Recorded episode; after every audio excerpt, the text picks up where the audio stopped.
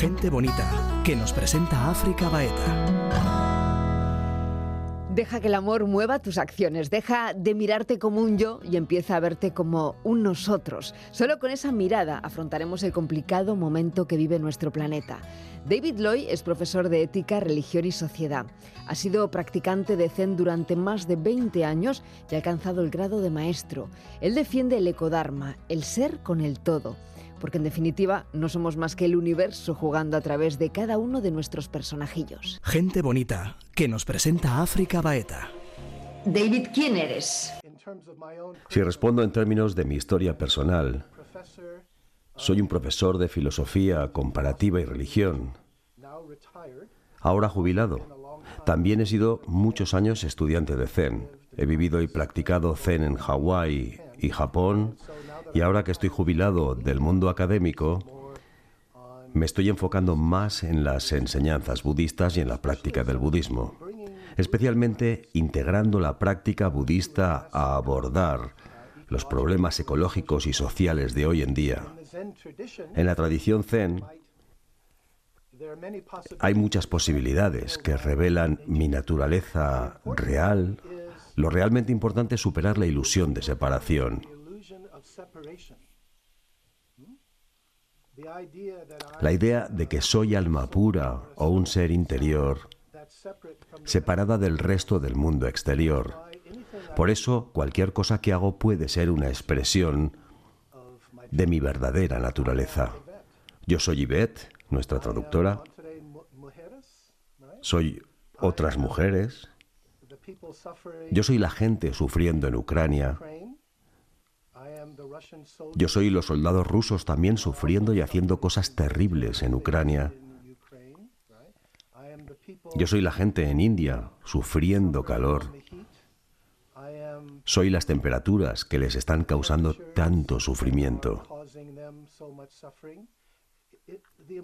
Lo importante es superar la sensación de separación y darnos cuenta de la no dualidad en todas estas situaciones ¿Por qué nace la capacidad de, individualizarnos, de creernos una parte separada del todo? ¿Dónde surge esa separación? Déjame empezar diciendo que es importante enfatizar que no tiene que ver con la pregunta ¿de dónde viene la dualidad? Porque en realidad la dualidad no existe, es la sensación de dualidad, es la sensación de separación, ¿no? El despertar en budismo y en otras tradiciones espirituales no tiene que ver con adquirir nada nuevo, se trata de darse cuenta de cómo las cosas siempre han sido. Realmente no existe la no dualidad, sino simplemente es la sensación de sentirte una parte separada pero que realmente no existe. Yo creo que tiene sentido comprender esto como una función de supervivencia. Si nos fijamos en la evolución y en especial en la psicología evolutiva, podemos ver que el desarrollo de un sentido de identidad es necesario para ayudarnos a sobrevivir y a propagarnos. Y la gente que no tiene un sentido sano de sí misma o ego tiene menos probabilidades eh, de tener niños, eh, etc. Entonces creo que hay una función evolutiva ya incorporada. El problema está en que a la evolución le da igual si somos o no somos felices. ¿Cómo dio David el paso de la dualidad a la no dualidad? ¿Cómo se dio cuenta de que vivía en una ficción? Yo crecí durante la época de la guerra de Vietnam una guerra estúpida, ilegal e inmoral, y me negué a ir. Al principio pensé que me mandarían a la cárcel. Y luego cambiaron las leyes y no tuve que ir. Después de ser un activista social, me di cuenta de que eso no era suficiente, de que necesitaba trabajar en mí mismo. Fue entonces cuando lo dejé todo y me fui a Hawái. Cuando estuve en Hawái fueron mis años hippies. Leía mucha literatura espiritual, especialmente literatura zen. Todas mis carreras, por cierto, son de filosofía. Entonces la filosofía zen tenía mucho sentido para mí. Pero lo que realmente era importante no era cuánto leía, sino que había un centro zen en Hawái y pude hacer algunos retiros de meditación muy intensivos allí. Con un maestro zen japonés y eso realmente transformó mi vida. La tradición zen nos provee de prácticas de meditación específicas o técnicas que nos pueden ayudar, como decíamos, a olvidarnos de nosotros mismos, dejar ir a la sensación del ser separado y darse cuenta de nuestra no dualidad con otras personas y con el mundo. El fin de la meditación es la anulación del yo. Bueno, hay dos formas de entenderlo. Una es cuando estás meditando no hay ningún objetivo. Es importante no tener fijada en tu mente la idea de que estás intentando llegar a algún sitio. Pero con la otra forma podemos decir, sí, que si meditamos de una forma específica, lo que pasa es... Em, Déjame decirlo así.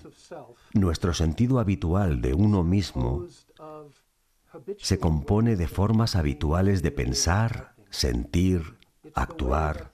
Es la manera en que trabajan juntas para crear la ilusión de separación. Cuando estamos meditando, estamos liberándonos de esas formas habituales de pensar, sentir, hacer, y hacer eso nos lleva a liberarnos de la sensación de separación. ¿Por qué busca la mente? Como el sentido de identidad, como se dice en budismo, no es real, tenemos una sensación del ser separado, pero no es real. No corresponde a ninguna cosa. Y eso quiere decir que el sentido de identidad es intrínsecamente inseguro intrínsecamente incómodo y siempre está buscando algo, algo que le haga sentir más seguro. Muchos de los problemas de nuestras vidas es que siempre estamos buscando fuera porque pensamos que nos hará sentir más real o más completo. Esa sensación de separación eh, lleva al ser humano a una búsqueda. Y entonces es muy curiosa la paradoja del ser humano, ¿no? Que eh, digamos que el yo se embarca en un viaje espiritual de búsqueda, usa el conocimiento para llegar a un punto de entendimiento y luego se acaba porque se da cuenta de que no es ese yo. Ese es el éxito del viaje, darse cuenta de que nunca hubo un yo desde el principio, un ser separado.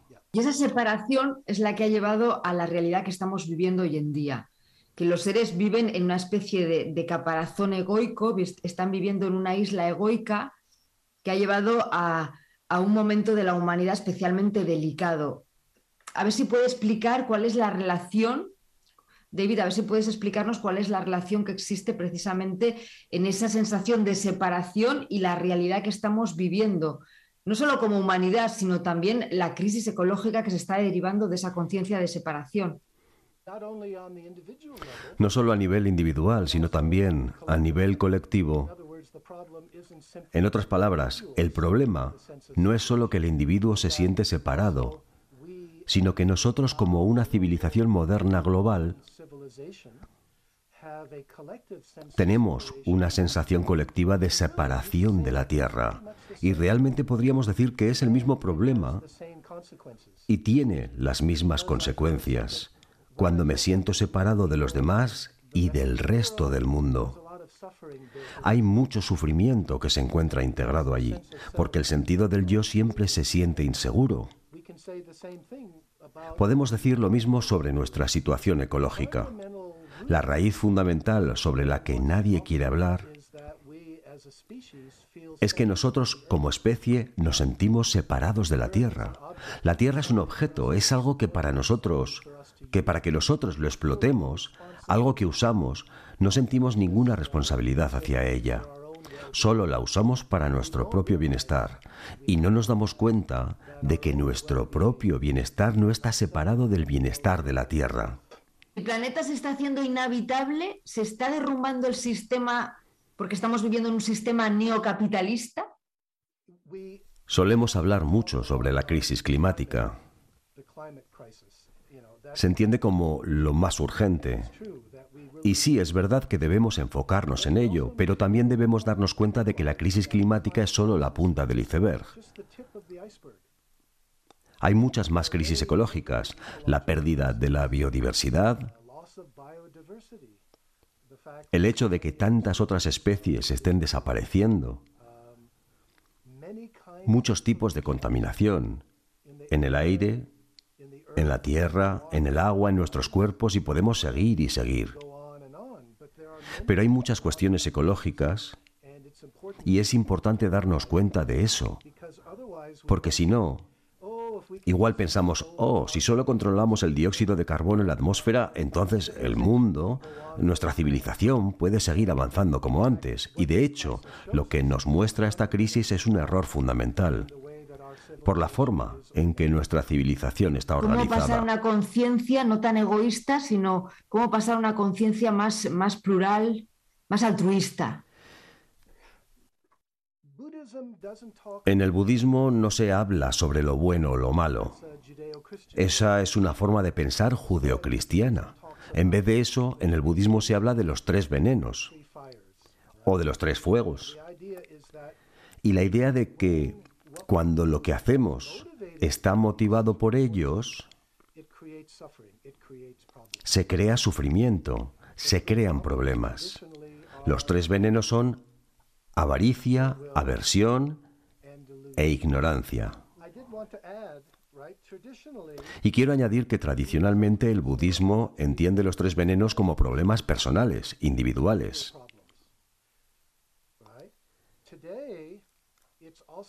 Hoy es importante para nosotros que los comprendamos como colectivo, como problemas institucionales. Por ejemplo, creo que nuestro sistema económico es avaricia institucionalizada. Si la avaricia quiere decir que nunca tenemos suficiente, bueno, pues es una buena descripción de un sistema que tiene que seguir creciendo. Los consumistas nunca consumen lo suficiente, las empresas nunca son suficientemente lucrativas, crece, crece más y más, pero aquí la pregunta es ¿por qué más y más siempre es mejor si nunca es suficiente? Y esto es un reflejo, en cierta manera, de lo que es nuestro ego. Nunca nos vamos a satisfacer como egos porque el ego en sí mismo es un vacío y siempre buscan el exterior saciarse. Ah, ahora es un problema del ego colectivo. En inglés, algunos dicen we go, nuestro ego. El problema con la separación es que es inherentemente incómoda. Y eso se aplica no solo a nivel individual, sino también al colectivo. Sentimos que nos falta algo e intentamos llenarlo de varias formas. Y el mercado se ha convertido en una, en una religión y la economía en una teología. Para la mayoría de la gente en naciones modernas desarrolladas, la religión verdadera es el consumismo. Aunque vayas a la iglesia los domingos por la mañana, la realidad es qué es realmente importante en tu vida. El sentido de tu vida está construido alrededor del consumismo y el budismo, como otras tradiciones, enfatiza que eso puede ser divertido durante un rato, pero que a la larga nunca te va a satisfacer todo el camino espiritual del budismo trasladado a Occidente se ha convertido también en un proceso individual de yo necesito mi propio desarrollo personal, lo que en cierta manera eso incide más en ese concepto de, separatividad. Eso ocurre a menudo y me recuerda a mi frase favorita. La frase del maestro Vedanta Nisargadatta. Él dijo, cuando miro en mi interior y veo que no soy nada, eso es sabiduría. Cuando miro hacia mi exterior y veo que lo soy todo, eso es amor. Entre ambas discurre mi vida. Es una enseñanza vedanta, pero encierra la filosofía budista. No hay conceptos, hay realizaciones, hay cosas que nosotros entendemos. Y es interesante, para él todo se reduce a la sabiduría y al amor. Y en realidad es lo mismo en el budismo. Estos son los dos pilares del camino budista. Ambos son importantes. Esto apunta a que tal vez Tal vez podemos decir que el meollo del problema es que a menudo hay otra dualidad entre aquellos que están en un camino espiritual transformándose a sí mismos y esos activistas sociales preocupados por transformar el mundo. Esta es una dualidad muy seria y muy problemática. ¿Qué es para ti el amor? El amor no es un sentimiento. El amor no es algo que va y que viene. El amor es la comprensión de que no estoy separado de ti o de otras personas. Y la integración de esa comprensión en el modo en el que vivo y en el modo en que me relaciono contigo y con las otras personas. El amor es reconocerse en el otro, no es una proyección de mi personalidad o de mis expectativas sobre ti. Es todo lo contrario. Es dejar ir a mi propio egoísmo. Lo suficiente como para poder verte, experimentarte tal y como eres. Y luego cómo vivo de una manera que reconozca que no estoy separado de ti. Esto no significa que mi cuerpo desaparezca y me convierta en tu cuerpo. Todavía hay una sensación de dos personas. Todavía habría una sensación de... Es algo que está participando de algo más grande que uno mismo. Entonces, la muerte del ego resolvería este problema, el, problema que tenemos actualmente como sociedad. El problema es que mucha gente se queda atascada aquí. Hay una cuestión irónica. Comenzamos a perseguir el camino espiritual porque hay sufrimiento. Es muy personal, es una elección muy personal. Es mi propio ego causando sufrimiento. Y tenemos la sensación de que el camino espiritual nos conducirá hacia algo que terminará con el sufrimiento. Y el peligro es que este, al principio, es un camino egoísta. La gran realización, la iluminación más profunda, es darse cuenta que esta preocupación por uno mismo es el problema fundamental y que cuando realmente me despierto, no hay nadie que necesite iluminarse. Nunca ha habido algo parecido. Esto ocurre porque me doy cuenta de mi esencia, de mi no dualidad con el mundo. ¿Cuáles son las áreas importantes? Tú puedes tener personas espirituales que optan por el déjame en paz que quiero darme cuenta de mi propio vacío. Y luego hay activistas que a veces critican a las personas espirituales por ser egoístas. Lo que nosotros necesitamos es lo que en budismo se llama el camino de Bodhisattva. La idea del camino de Bodhisattva es que nuestro viaje espiritual tiene dos caras, como una moneda. Por un lado, continuamos trabajando en nuestra propia meditación, en nuestra propia transformación individual para trascender a nuestro ego. Pero al mismo tiempo sabemos que el despertar personal no es suficiente. También necesitamos estar comprometidos con el mundo. Y aquí está lo importante. Comprometerse con el mundo no supone una distracción del camino espiritual. Al comprometernos con el mundo es como nos volvemos menos egoístas. Es así como dejamos de preocuparnos por nosotros mismos. Nos volvemos menos egoístas, por lo que las dos partes del camino están profundamente entretejidas y ese es el camino esencial que necesitamos hoy. Es lo que creamos. Nuestra vida es lo que hacemos.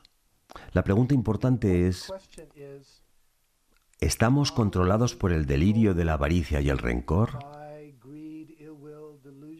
¿Estamos controlados por el sufrimiento y el intento de sentir eso más real? ¿Más terrenal? En cuanto podemos liberarnos de eso, nuestra vida se transforma. En tanto en cuanto yo me siento separado.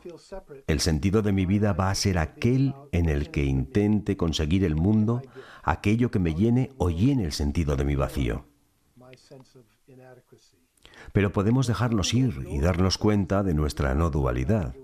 Entonces me siento libre, porque me siento que no estoy separado. La libertad se expresa de forma natural. ¿Qué puedo hacer yo para que este mundo sea mejor para todos? Esto no es entonces una dura responsabilidad. Es simplemente un camino natural en el que nosotros queremos vivir. Cuando nos damos cuenta de que no estamos separados de las otras personas, entonces la pregunta es, ¿cuál es la mejor manera para mí de hacer esto? Y puede ser diferente a la mejor manera para ti. ¿Y cuál es el mejor camino? Buda vivió hace mucho tiempo en un lugar diferente.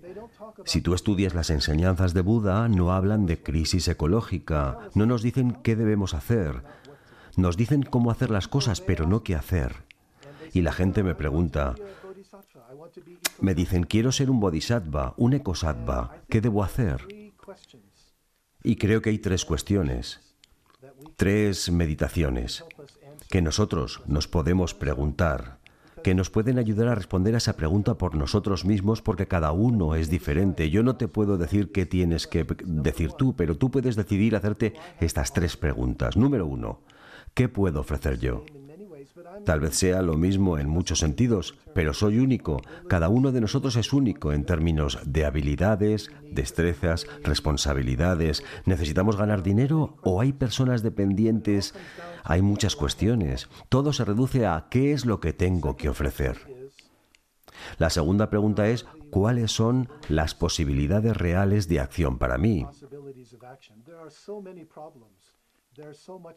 Hay tantos problemas, hay tanto sufrimiento, hay muchas cosas. Tenemos que enfocarnos. ¿Cuáles son mis posibilidades reales según dónde estoy y quién soy?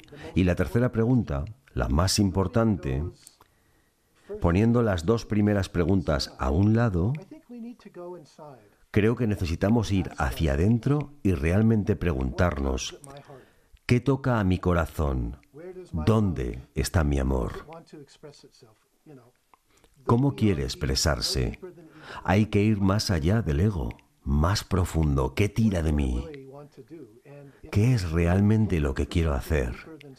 Es buscar en lo más profundo de nosotros mismos, más profundo que el ego, porque si podemos encontrar eso, entonces es probable que sintamos más energía y seamos más efectivos.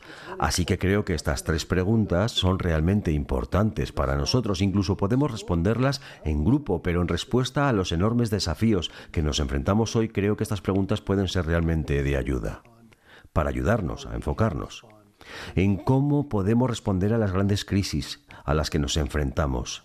Pero ¿cómo cambiar ese estado de conciencia? ¿no? ¿Qué soluciones propone a la situación, a la crisis ecológica, por ejemplo, que estamos viviendo? Ese es el desafío más grande de todos. ¿No es así? Sí, creo que hay una especie de lado positivo en el tipo de crisis que enfrentamos en este momento. Noam Chomsky, un pensador americano muy importante, dice que ahora estamos viviendo en el momento más peligroso de la historia humana. Creo que está en lo cierto.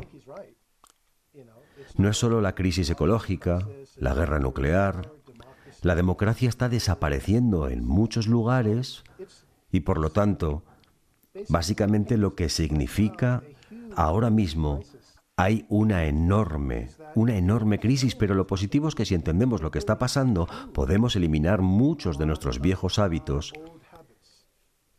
En este momento de extraordinaria urgencia, obviamente no basta con enterrarnos en el consumismo, porque no nos lleva a ningún sitio. No tendrá éxito. Creo que la crisis en última instancia tiende a despertarnos y nos ayuda a preguntarnos qué es lo más importante. ¿La nueva conciencia vendrá del colapso del paradigma dual? Es interesante que en el budismo se haga mucho hincapié en el don't know mind, la mente del no sé. Como dijo uno de mis maestros, Nuestro camino no consiste en aclarar el misterio, sino en dejar claro el misterio. Por lo tanto, inevitablemente hay incertidumbre sobre la situación en la que nos encontramos. E inevitablemente estamos preocupados por lo que va a pasar en el futuro. Es muy importante distinguir duelo acerca de lo que sucede desde la desesperación, la desesperación desde el punto de vista budista o espiritual, la desesperación o la esperanza es una especie de mundo de fantasía el que entramos, duelo sentir tristeza por lo que está pasando aquí y ahora. Pero nosotros necesitamos entrar en contacto con Él, porque puede ser muy poderoso para sacudirnos y alterar nuestras formas habituales de egocentrismo. Nuestras formas habituales de vivir. Cuando se trata de actuar, hace un minuto hablé de cómo podemos decidir qué hacer. Creo que la más importante contribución del budismo aquí es la idea de no apegarse a los resultados. Esto es fácil de malinterpretar. No significa que no nos esforcemos. Necesitamos desarrollar una estrategia con el mayor cuidado posible, pero en última instancia no podemos controlar lo que sucederá. Así que, debido al camino espiritual, debido a que está enraizado en la meditación que siempre nos enseña, deja ir los conceptos, deja ir esto, ahí es cuando actuamos en el mundo. Hacemos lo mejor que podemos sin saber si algo de lo que hagamos va a marcar alguna diferencia y está bien. Tenemos la responsabilidad de hacer esto, pero no podemos controlar los resultados. Lo que hacemos entonces es un regalo a la tierra. Y como todo regalo real no lo hacemos por nada a cambio, no hacemos el regalo para que nos den algo a cambio. Es nuestro regalo que le damos libremente. Voy a vivir así, voy a hacer lo que pueda.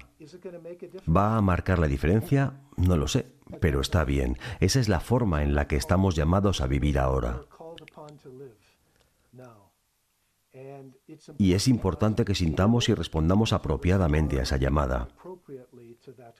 Hablas mucho de, un concepto de, fraternidad universal, de, mente global, de conciencia plural. ¿Cómo pasar de, esa conciencia individual, egoica, a esa conciencia global? Que de cierta manera recuperar los, los principios de, la ilustración, que muchas veces tú hablas de ellos, ¿no? De, la igualdad, de la fraternidad, de la libertad. ¿Cómo dar ese salto de este momento tan individual que estamos viviendo a esa conciencia colectiva?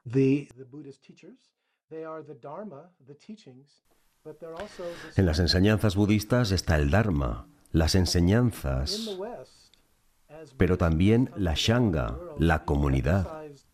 El budismo ha llegado al mundo moderno. Hemos enfatizado en el Buda y en el Dharma, pero lo importante es la Shanga.